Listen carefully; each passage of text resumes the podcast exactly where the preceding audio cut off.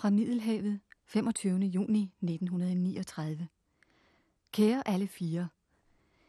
Vi sidder nu på tredje dag ombord på Johan van Olden Barnefeldt. De første to dage har vi simpelthen intet bestilt. Bare sovet og drevet og kigget på vandet og de langsomt passerende øer og brudstykker af den italienske kyst. I går passerede vi Messina-strædet og kastede der for sidste gang i lang tid blikket på gamle Europa. Det var blevet os spået, at vi skulle have en helt mærkelig fornemmelse ved dette, men trods meget umage lykkedes det ingen af os at fremkalde den. Det var mærkeligt, ja det var næsten tragisk, at se de sidste lys på Falsters kyst forsvinde i mørket, og Jan var heller ikke meget værd, da Hags huse var uden for synsvide. Men Europa som sådan er ingen af os kede af at forlade. Det har dog overlevet sig selv, er allerede begyndt at rådne op i midten. Ikke desto mindre er vi allerede begyndt at diskutere vor overlov, hvordan vi skal tilbringe den, og hvor dejligt det bliver at se jer alle sammen igen. Seks år er hurtigt omme. Tænk, det er kun fem, nej, allerede fem år siden jeg blev student, netop i disse dage. Det er simpelthen som en drøm, som et uvirkeligt eventyr, dette at være nygift på Middelhavet, og se alt det skønne og vidunderlige sammen med den, man holder af. Ja, det var gået hurtigt. Den 1. juli året før var jeg kommet til Holland og for at tiltræde en stilling som øh, værtinde og husbestyrerinde hos den danske professor og direktør for observatoriet i Leiden.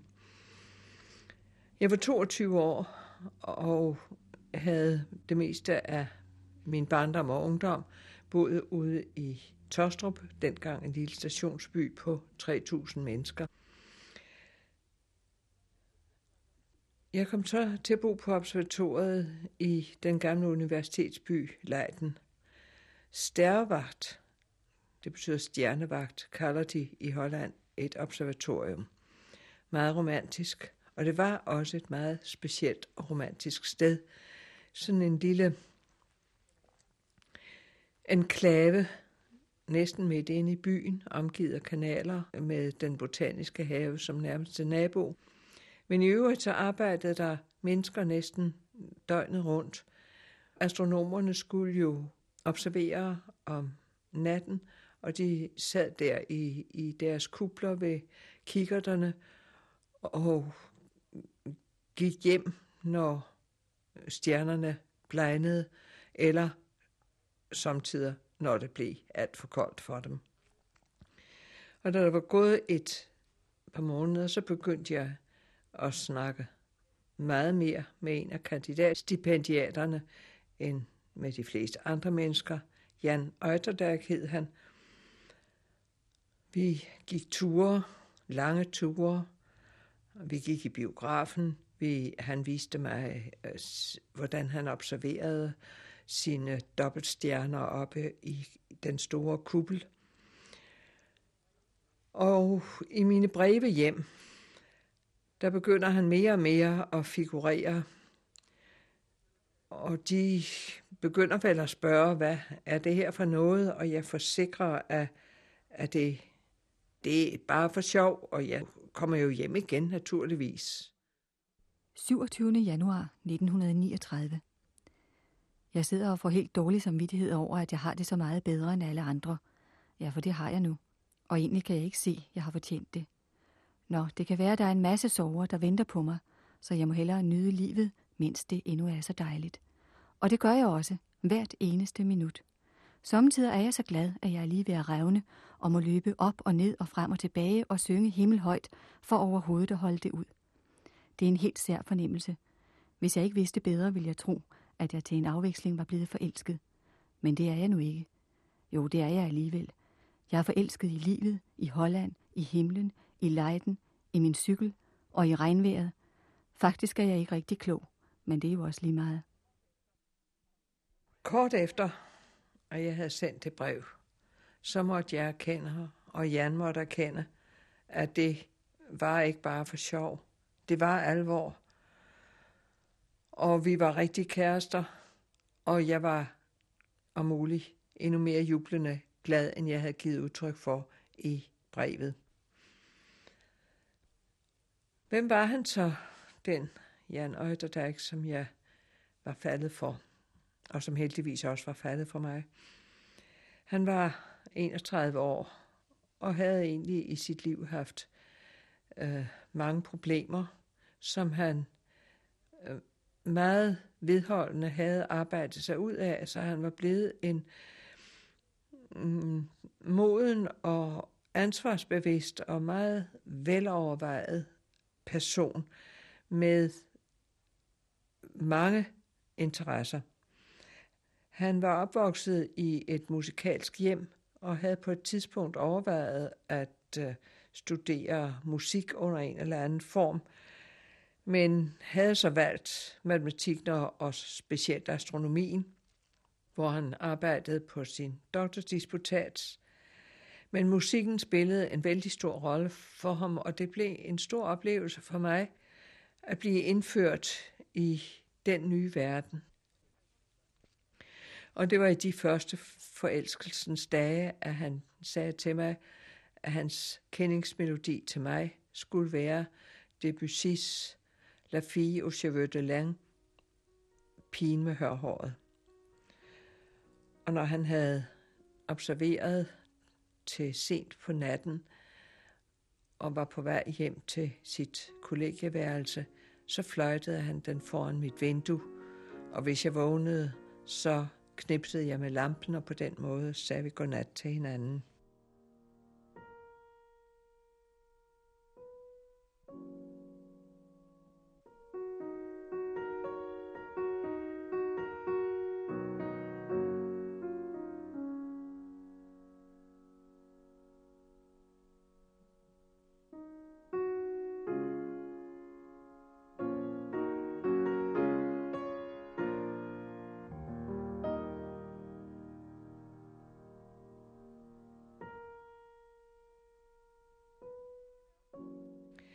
Han havde også mange andre interesser, både i psykologi og i litteratur, og han var den første, der fortalte mig om Brecht og Drek Groschenober. Det havde jeg heller aldrig hørt om før.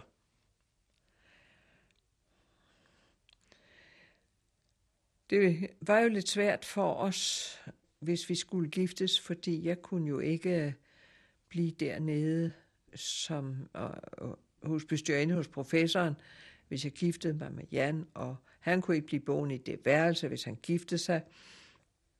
Og han begyndte også at indse, at han ikke på den tid, der var tilbage af hans øh, stipendiat, kunne blive færdig med sin doktordisputat. Så han begyndte at se sig om efter en anden form for stilling. Der var jo i dag 30'erne en fuldstændig øh, enorm arbejdsløshed for akademikere, så det var ikke nemt.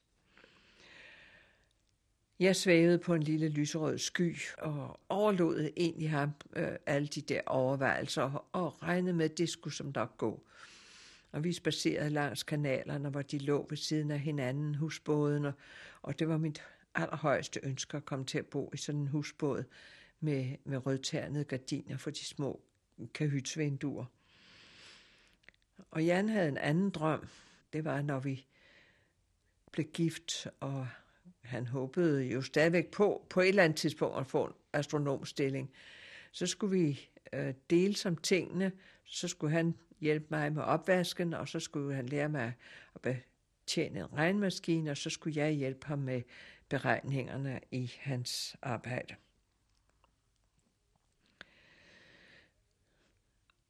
Da det ikke lykkedes for ham at få en stilling som gymnasielærer, det var jo det, der var mest oplagt, hvis han ikke kunne få en videnskabelig ansættelse, så søgte han øh, i de hollandske kolonier. Der var jo mange hollandere, der kom derud. Og det lykkedes så også for ham at få en stilling som gymnasielærer vi forestillede os, at det var i Batavia, det nuværende Jakarta. Øh, en af betingelserne var, at han skulle være gift tre uger inden vi forlod øh, Holland.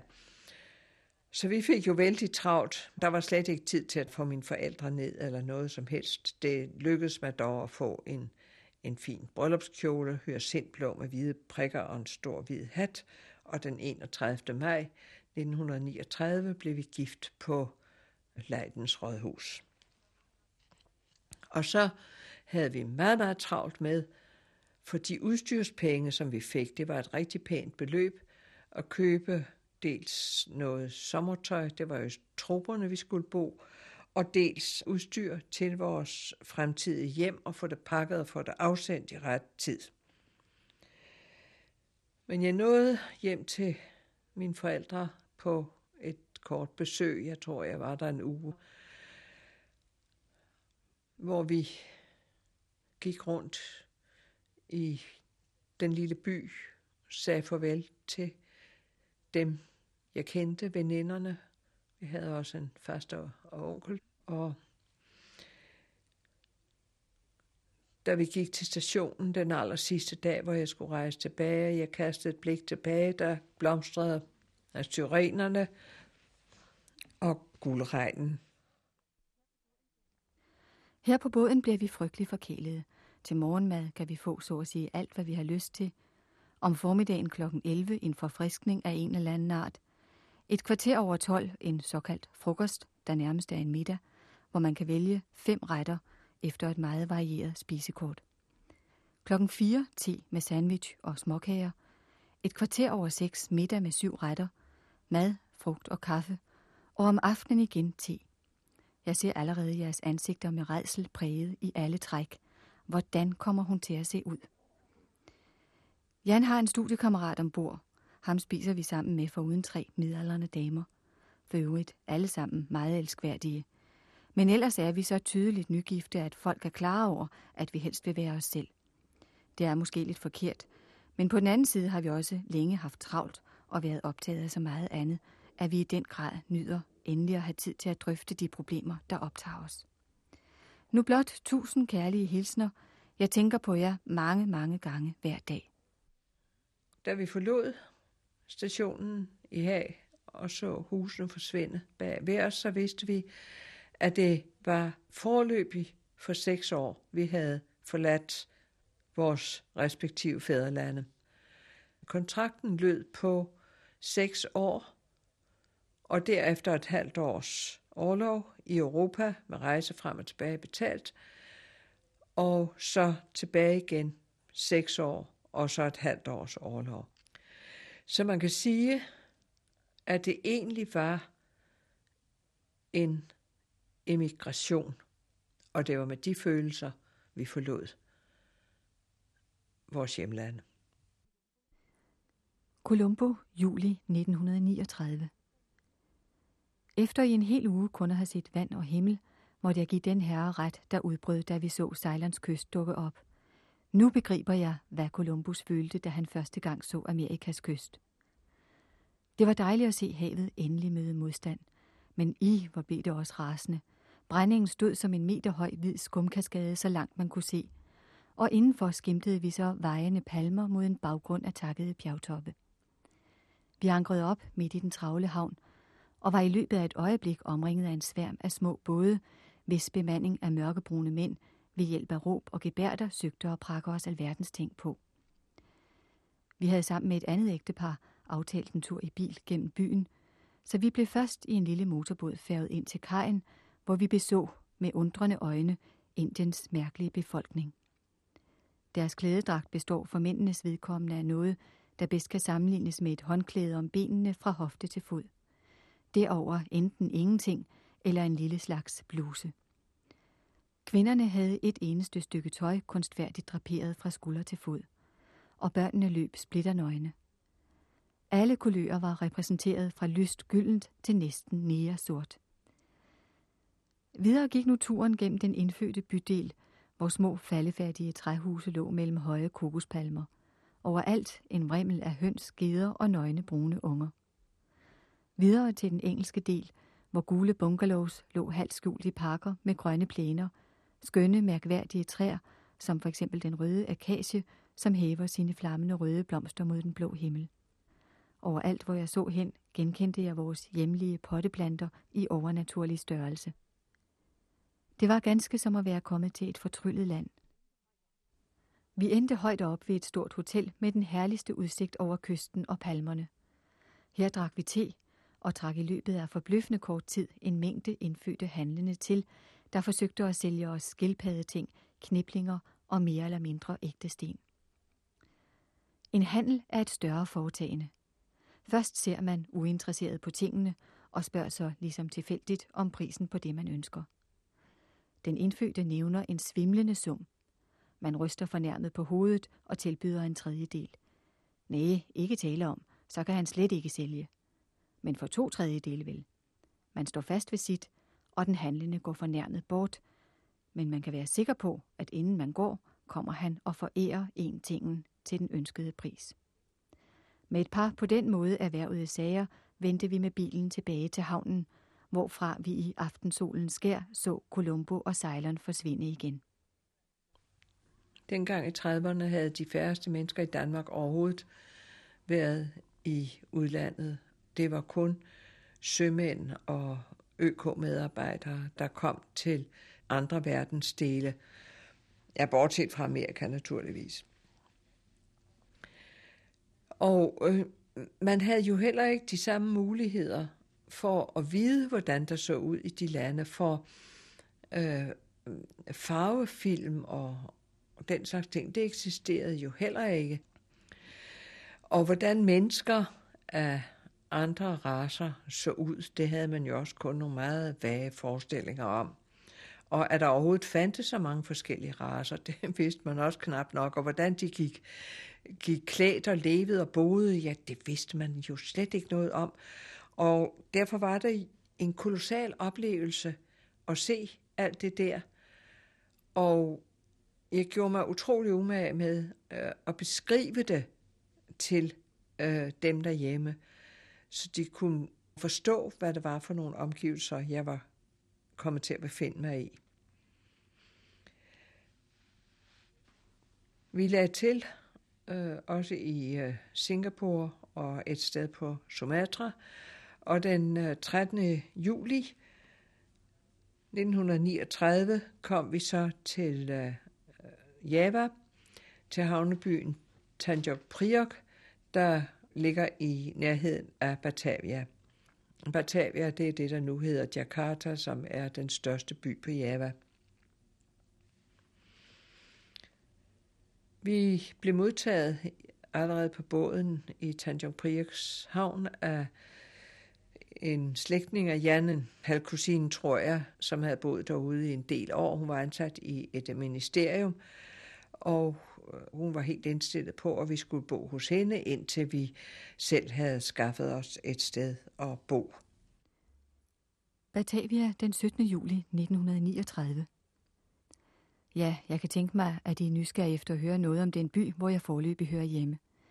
Men alle disse indtryk er så overvældende, at jeg vil holde mig til beskrivelsen af en tur, vi foretog i bil lørdag eftermiddag. Aleda bor i et ægte villakvarter, som i øvrigt dækker det meste af byen. Altså kørte vi først langs rækker og atter rækker af gule huse med røde tage. Små og store, alle stilarter, alle tidsaldre, alle sammen lidt tilbagetrukket i en lille have med græs og palmer, alle sammen med åbne verandaer, hvor familien nød deres eftermiddagste, så forskellige og dog så ens. Den sidste lille villavej munder ud på verdens største plads. Batavias hjerte, Koningsplanen. Lad mig opremse et par af de ting, man finder repræsenteret her. Hovedbanegården, museet, politistationen, tre eller fire kolossale handelsselskabers kontorer, en kaserne, en vedløbsbane, og endelig i midten forberedelsen til den årlige tilbagevendende folkefest Pasagambia. Et helt slot er det, rejst af bambus og flettede måtter, men det skal jeg vil fortælle om, når festen har fundet sted. Trods alle disse ting er pladsen her luftig, rummelig, med store grønne plæner med blomstrende buskager og endeligt stående palmer. Vi drejer af og kommer ind i det europæiske forretningsstrøg med store lukkede butikker. Filialer af kendte firmaer i Holland. Videre forbi den gamle klubbygning, hvor medlemmerne, altid eliten, sidder i gamle gyngestole og observerer byens trivsel. Forbi byens største hotel, hvis billigste værelse koster 20 kroner. Og så kommer vi ind i det ægte forretningsstrøg, hvor man køber, når man ikke har så mange penge. Det er alt sammen kinesiske butikker, eller rettere åbne boder, hvor den fede indehaver sidder på en stol ved døren, mens hans hele husstand befinder sig spredt rundt i lokalet. Her er ægte østerlandsk liv og travlhed. Vi begiver os nu til en forstad til Batavia. Af en pragtfuld vej kører vi langs gamle hollandske huse, nu halvt forfaldne og beboet af indfødte, men før den fornemme residens for rige handelsfolk. Forstaden er en ubeskrivelig blanding af kineserby og indisk tilholdssted. Alle mærkelige raceblandinger gør her deres indkøb i snavsede boder. En ubestemmelig lugt af de indfødtes mærkelige spiser hænger over gaden, hvor en voldsom trængsel hersker. En broget, gående, cyklende, kørende, sladrende mængde. Tavse kvinder med sky brune øjne og brogede tørklæder står på fortovet og ser efter os, da vi er der drejer næsen mod Batavia. Mod en svålgul himmel tegner kokospalmerne deres yndefulde silhuet. Langsomt bleges alle farver. Da vi kører ind i vores egen gade, er det bælmørkt. Så fik vi efter en halv dages forløb besked om, at Jan skulle til Bøjtensår, og det var vi glade for, fordi det var et lidt bedre klima. Det lå syd for Batavia, cirka 60 km, og op imod bjergene. Straks vi havde fået beskeden, øh, tilbød Alada at køre os derop i biler og danne os et forløb i indtryk af byen. Og på vejen derop fik vi det første indtryk af det meget typiske javanske landskab med rismarkerne anlagt i terrasser, ikke større end en almindelig lille villagræsplæne, lå de der og blev med et sindrigt øh, system overrislet, og risen blev plantet i det der klare vand og stod der lysegrøn og spejlede sig. Det var utrolig smukt, og indimellem lå så de indfødte øh, landsbyer med øh, kokospalmer og andre palmer omkring. Vi øh, nåede kun den første dag at orientere os lidt i byens geografi og få nogle adresser på, hvor vi kunne gå hen og søge bolig. Men vi kom derop med toget den næste dag, og det lykkedes os at øh, lege et hus, som var ejet af kommunen. Og vi gik også lidt rundt og kiggede på brugte møbler og besluttede forløb at købe et klædeskab.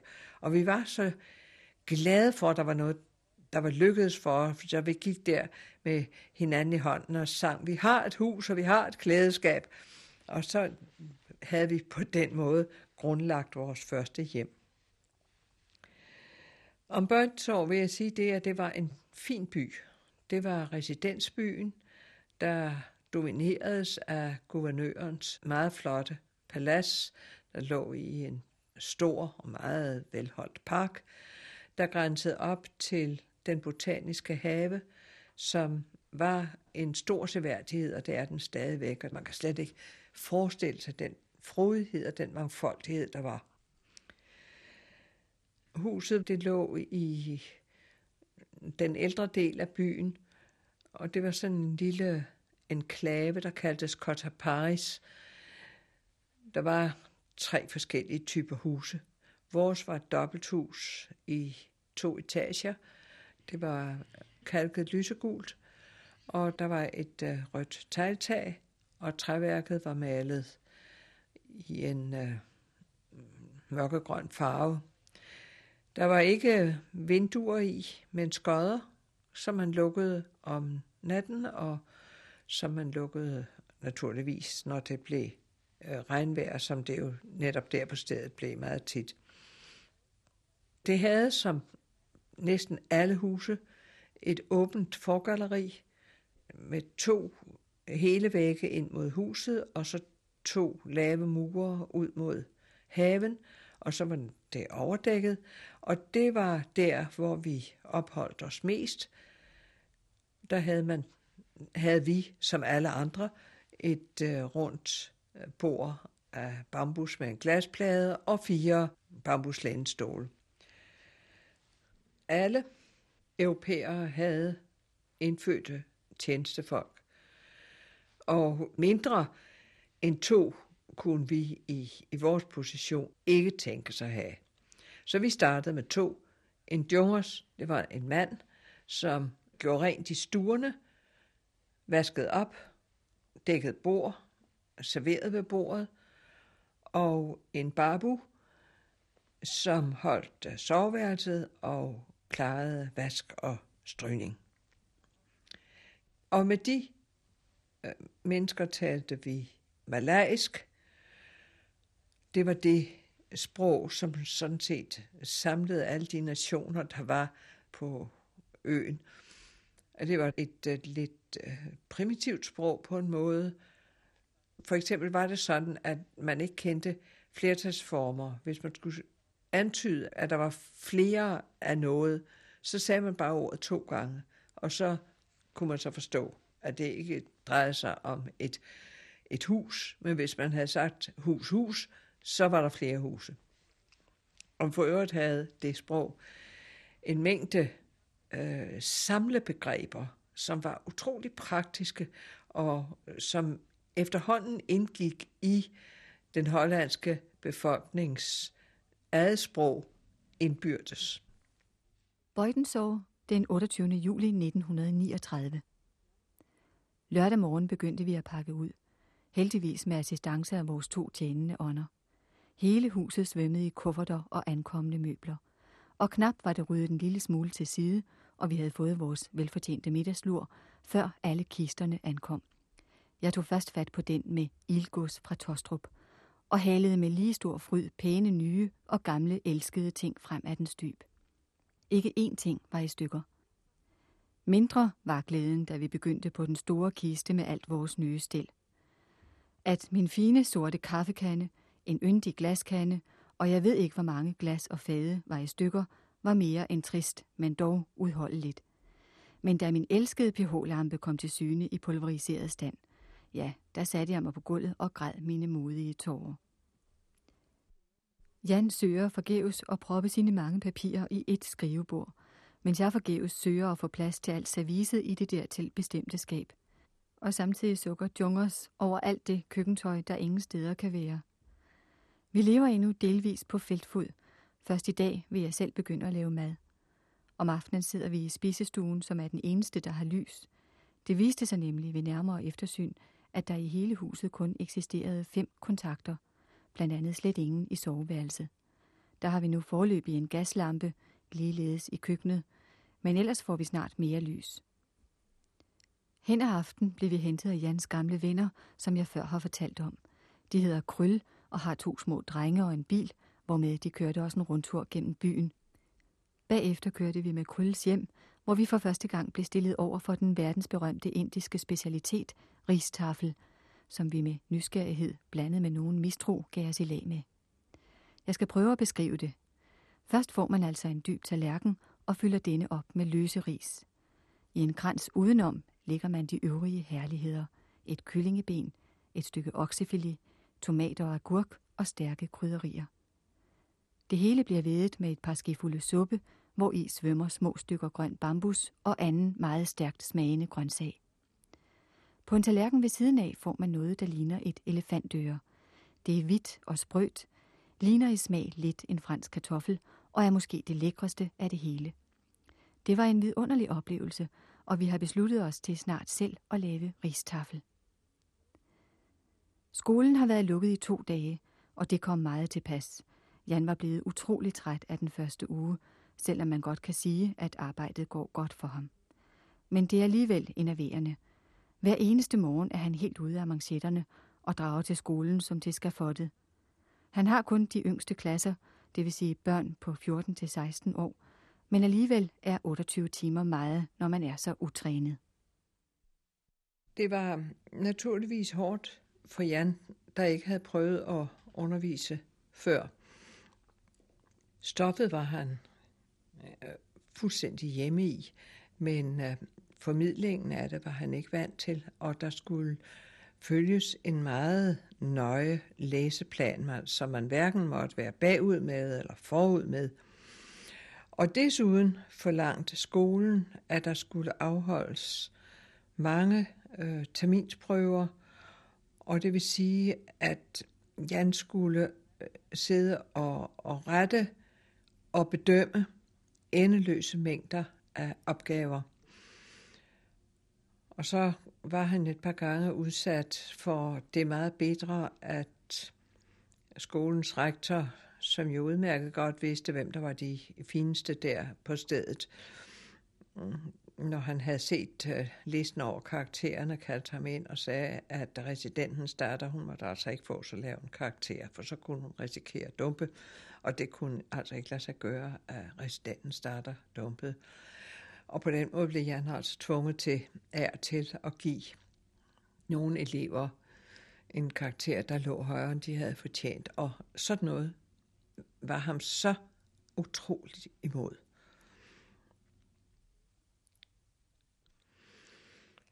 Øh, skolen begyndte allerede klokken 7 om morgenen.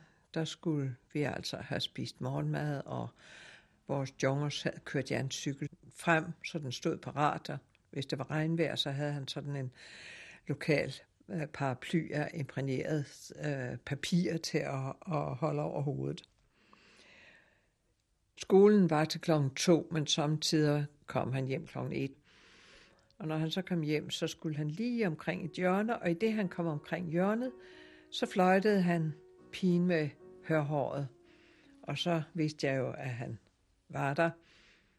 Han kunne fløjte ganske stærkt, så man, jeg kunne høre det lige med, hvor i huset jeg var. Og så fik vi en lille hund på et tidspunkt, som hed Bertje, og den lærte det også meget hurtigt. Bare den allerførste strofe, så stod den og lovede ved lågen.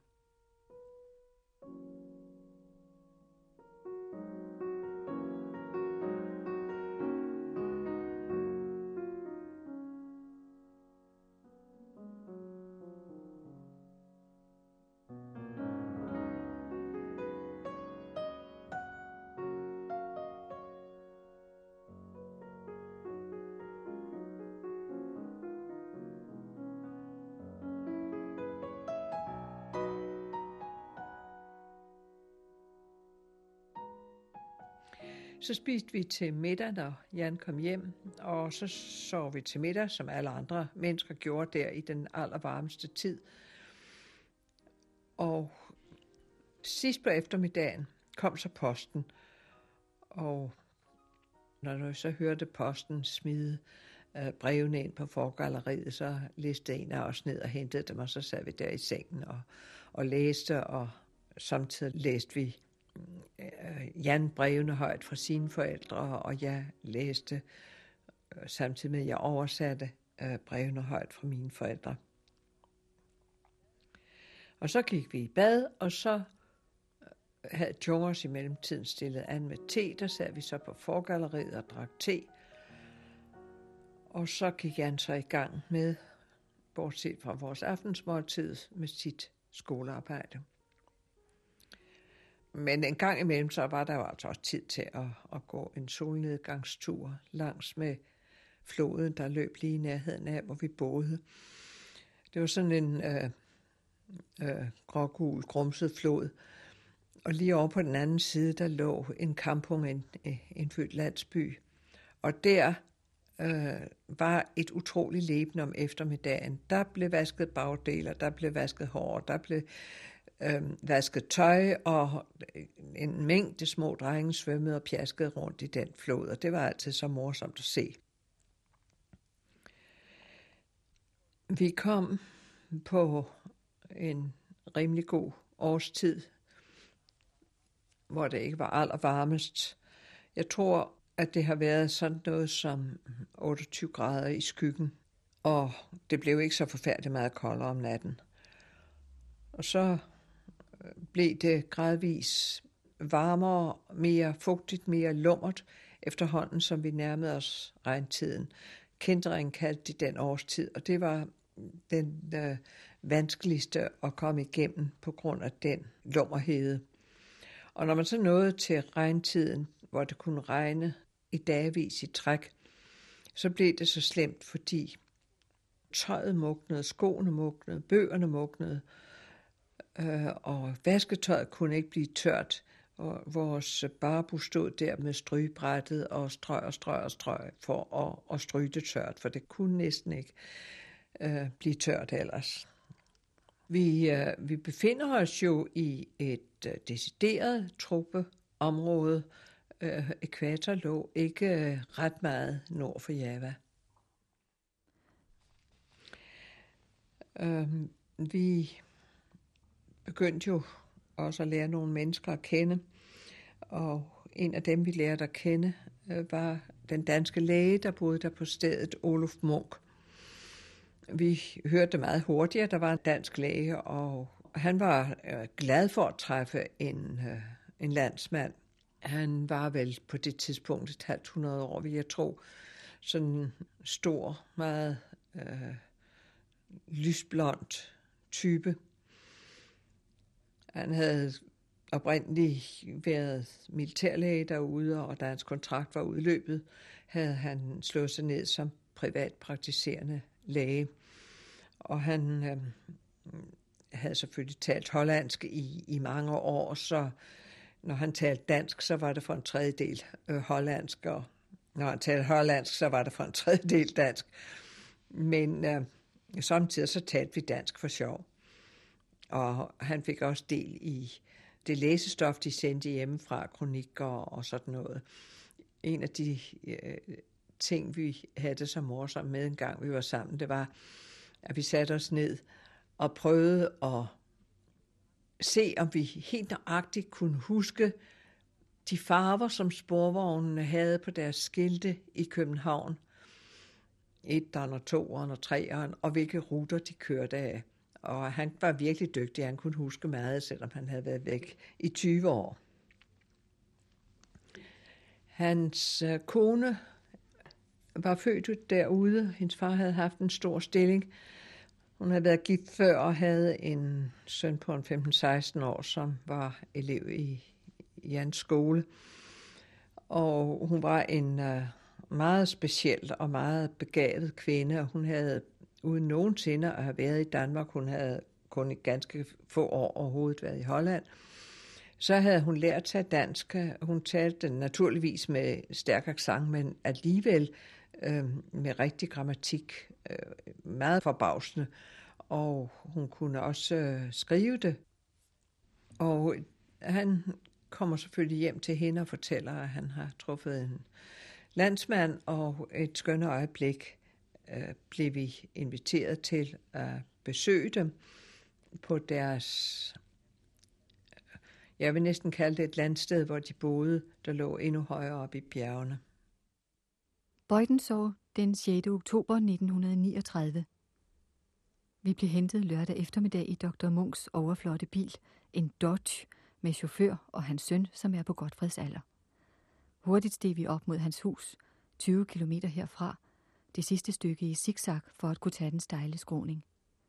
Endelig lå foran os et stort hus, bygget i norsk hyttestil. Åses bo stod der med hvide bogstaver over den med blomsterkasser bryde altan. Åse er hans syvårige datter, en sjov lille størrelse med ildrøde flætninger. Vi drak te på græsplænen under store fyretræer, med en vidunderlig udsigt over dalen til de store vulkaner med deres evige skyhatte. Til højre og venstre store bede med stauder og sommerblomster i alle regnbuens farver. Og foran os rosenbede med alle tænkelige sorter, i beregnet Poulsen-roser. Mellem vores liggestole lå to store Grand Danois og en anden hund af ubestemmelig race, mens en lille dværgpinscher fornøjet sprang rundt og drillede alle, og tre store angorakatte fredeligt spandt på hver sit skød. Under hyggelig sluderen nåede vi til solnedgang, et flammehav bag de sorte bjerge. Så fik vi lov at se huset indvendigt. Der var kamin og brædeloft og smårudede vinduer. Og for øvrigt en utrolig samling af indiske kostbarheder. Store krukker fra fyrstlige huse, sjældne gudebilleder røvede fra gamle templer, ja ikke af Munk, og hver ting havde sin historie. Vi sad og hørte om alle de forskellige måder, hvorpå de var erhvervet, mens det udenfor blev bælmørkt, og der ikke hørtes anden lyd end den nære bjergbæks sagte rislen. Så kom doktoren hjem fra dagens gerning, og ved en værmut lyttede vi til radioavisen. Ikke morsomt. Endelig klokken 9 fik vi aftensmad. Det er almindelig indisk gik og brug. Og efter en smule kikken stjerner gik vi alle til ro. Vi kunne øh, ikke gøre så meget til gengæld øh, for dem i virkeligheden, men jeg gjorde så den smule, jeg kunne med min danske ballast. Hvis jeg bagte en kage, så lavede jeg en dobbelt portion, og så gik der en hen til Dr. Mons konsultation, som han kunne tage med hjem, og han syntes jo, det var herligt at få en hjemmebagt dansk sandkage. Det havde han selvfølgelig ikke fået i 20 år. Og øh, en af mine store succeser, det var at lave italiensk salat. Naturligvis rørte jeg mayonnaisen selv, og så, hvis jeg havde lavet det til os selv, så øh, gik der en stor skål fuld hen til Dr. Munk, som han kunne tage med hjem. Øh, der var i øvrigt på stedet nogle fastlagte normer for, hvordan man omgik hinanden. Og det foregik på den måde, at Jan på lærerværelset skulle spørge en af de andre lærere, om det kunne passe, ham og hans kone, hvis vi kom og besøgte dem den og den aften. Og det blev så en aftale, og så øh, cyklede vi derhen, og fik så et ganske bestemt øh, traktement bestående af en kop kaffe med en småkage til, og en eller anden øh, slags øh, longdrink med lidt saltsnacks til, og så var den aften gået. Og så efter et stykke tids forløb, så kom den pågældende lærer og sagde til Jan, om han og hans kone kunne komme og besøge os den og den aften. Og så gentog det samme ritual sig, og sådan blev man ved til, at vi havde været hele øh, turen rundt. Og nogle steder, der havde vi det hyggeligt og faldt godt til, og andre steder, der var det sådan, at nu er det overstået. Men det var en snæver kreds, man bevægede sig i. Vi øh, omgikkes ikke nogen af de indfødte. Det var der heller ikke nogen af de andre, vi kendte, der gjorde. Men man må ikke forestille sig, at selvom det var en kolonimagt, at der så var tale om apartheid eller noget i den retning. Det var der overhovedet ikke. En hver var, var frit stillet med hensyn til at gifte sig med en af en anden race. Og øh, både kinesere og indfødte og de af blandet race øh, havde adgang til skolerne, men det var naturligvis øh, for dem et økonomisk spørgsmål, fordi det var øh, betalingsskoler. Men at der var heller ikke tale om andet end, at Øh, mennesker af alle raser havde mulighed for at få en videregående uddannelse og få øh, stillinger svarende til deres uddannelse. Det var kun et spørgsmål om, at de beherskede det hollandske sprog, både mundtligt og skriftligt, og så havde den uddannelse, der skulle til for at øh, bestride den stilling, de søgte. Og for øvrigt var det jo et øh, kolonisystem, sådan som de var øh, kendt over det meste af verden i tiden der op til 2. verdenskrig. Og der var begyndt at komme reaktioner imod det fra de indfødte side. Og det var øh, vel nok ikke mindst fra de, der havde øh, fået en uddannelse og lært nogle ting. Øh, de gik så radikalt til værks, at de også sad som politiske fanger i, jeg ved ikke hvor lange tider. Og det var dem, der også øh, under krigen og navnlig efter krigen gik i gang med at befri øh, deres land fra øh, kolonistyret og senere fik øh, ledende poster i den selvstændige regering. For Jan var det sådan, at han var mere glad for at besøge øh, familien Munk end i almindelighed for at komme sammen med lærerne, fordi talen så let faldt på den skole, som han i forvejen havde øh, mere end rigeligt af. Så hvis vi rigtig skulle have det lidt hyggeligt, og han havde tid til at slappe af, så gik vi i biografen. Der var to biografer. Der var en, så vi kaldte Rottebiografen, sådan en meget primitiv og biograf, og jeg tror, vi samtidig var de eneste europæer, der sad der. Der gik vi hen og så Flash Gordon, og det morede vi os begge to meget over. Men så var der også en, en rigtig pæn og net øh, biograf. Og så skiftedes vi til at vælge, øh, hvad vi skulle se. For jeg skulle jo altid se de romantiske film, hvor de fik hinanden til sidst, og Jan ville hellere se westerns og, og kriminalfilm og den slags ting. Men det gik meget retfærdigt til. Og der så vi sandelig også Borte med blæsten, så jeg har ikke behøvet at tage med nogen færge til Landskrona for at se den. Den var jo helt ny dengang.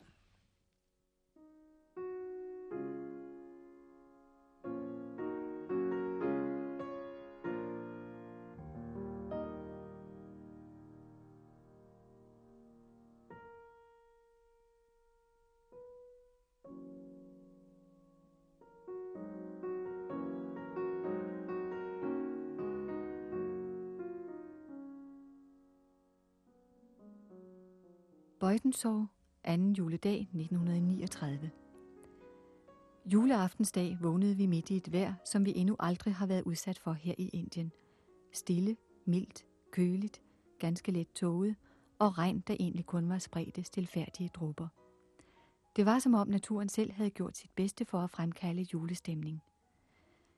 Efter mig en travlhed med at pakke julegaver ind og pakke kuffert, blev vi afhentet af familien Munk og kørt herop i Åses bo, mens togen blev tættere og stillere. Heroppe herskede den sædvanlige før juleaften stemning. Så snart det var blevet mørkt, blev vi budt nedenunder, hvor juletræet strålede i al sin glans. Hvidt og sølv. Det kostede et af Jans lommetørklæder. De havde hele tiden forberedt mig på, at der skulle være en stor overraskelse. Og sandelig, det var bedre, end jeg i min vildeste fantasi kunne have tænkt mig det. Klokken 8 blev radioen lukket op, og der begyndte en udsendelse af danske julesalmer på gramofonplader. De var der alle som en, og smukt udført. Men som I kan tænke, kostede det Jan nok et lommetørklæde. Dr. Munk, som ingen dansk julesalme havde hørt i 18 år, var også meget bevæget. I aner ikke, hvor lykkelig jeg er for de ting, der forløbig er ankommet. Gudruns broderede Danmarkskort vagte almindelig jubel – jeg rørtes måske allermest af det lille hjerte, der sidder på Tostrups plads. Hvor er det dog sødt af dig, at du har ville lave sådan et stort arbejde til mig, eller rettere til os. Og lampeskærmen, Mutti, hvor er den yndig, og hvor jeg glæder mig til at erstatte mit eget hjemmelavede magtværk med sådan noget rigtigt. Og jeres breve, kære søde far og mor, det beviste, at vi trods den uendelige afstand dog kan være noget for hinanden på sådan en aften – den kærlighed, der strømmede ud af hvert ord, gjorde jeg på en gang så nærværende. Men da de var læst, havde Jan heller ikke flere lomseklæder tilbage. Og han har fået lov at studere hjerterne, som han er meget betaget af. Næste år vil han hjælpe mig med at lave nogen til vores eget juletræ. Og sådan blev det faktisk også. Det næste år holdt vi jul hjemme hos os selv. Det gjorde heller ikke noget. Vi var glade for vores eget juletræ. Jan var øh, faktisk lidt betænkelig ved at gå i gang med det. Men da han først gik i gang, så kunne jeg jo se på det, at han havde lidt af den samme evne, som far havde, til ikke bare at placere det sådan histopist, men at, øh, at sætte system i det, sådan at det blev øh, smukt og harmonisk vi havde slet ikke pynt nok, men det blev et helt sødt juletræ, som vi havde året efter og året efter igen. Kære alle fire. Og hvad begynder man så at skrive om? Hvad fylder vores tanker dagen igennem? Krigen. Den frygtelige vidshed om, at det denne gang virkelig er alvor, fik vi om lørdagen af Dr. Munk. Og siden har vi gennempløjet aviserne med deres mangelfulde nyhedsberetninger. Næsten bange for at erfare, at et af vores to fædrelande skulle blive impliceret. Vi holder avis sammen med en anden af lærerne, og så får vi den første dagen efter. I almindelighed gør det jo ingenting, men i øjeblikket, hvor hvert minut kan bringe krigen, er vi naturligvis mere spændt på nyheder. Vi har ikke opgivet håbet endnu. Jeg gør det for øvrigt ikke, før krigen er der. Så længe der er fred, er der håb. Her tager man det alt sammen meget roligt. Vi sidder jo også trygt og godt, men for dem, der ser bare et lille stykke ud over deres egen næse, er udsigterne alligevel frygtelige. Vi har jo alle sammen familier og venner, som kommer til at lide under det. Men forløbig kan vi da håbe, at Danmark må forblive neutralt. For Holland lykkes det sikkert ikke. Mine tanker er hos jer mere end nogensinde, og jeg håber, at vi må kunne holde forbindelsen blot nogenlunde regelmæssigt. Jeg skriver og sender hver onsdag.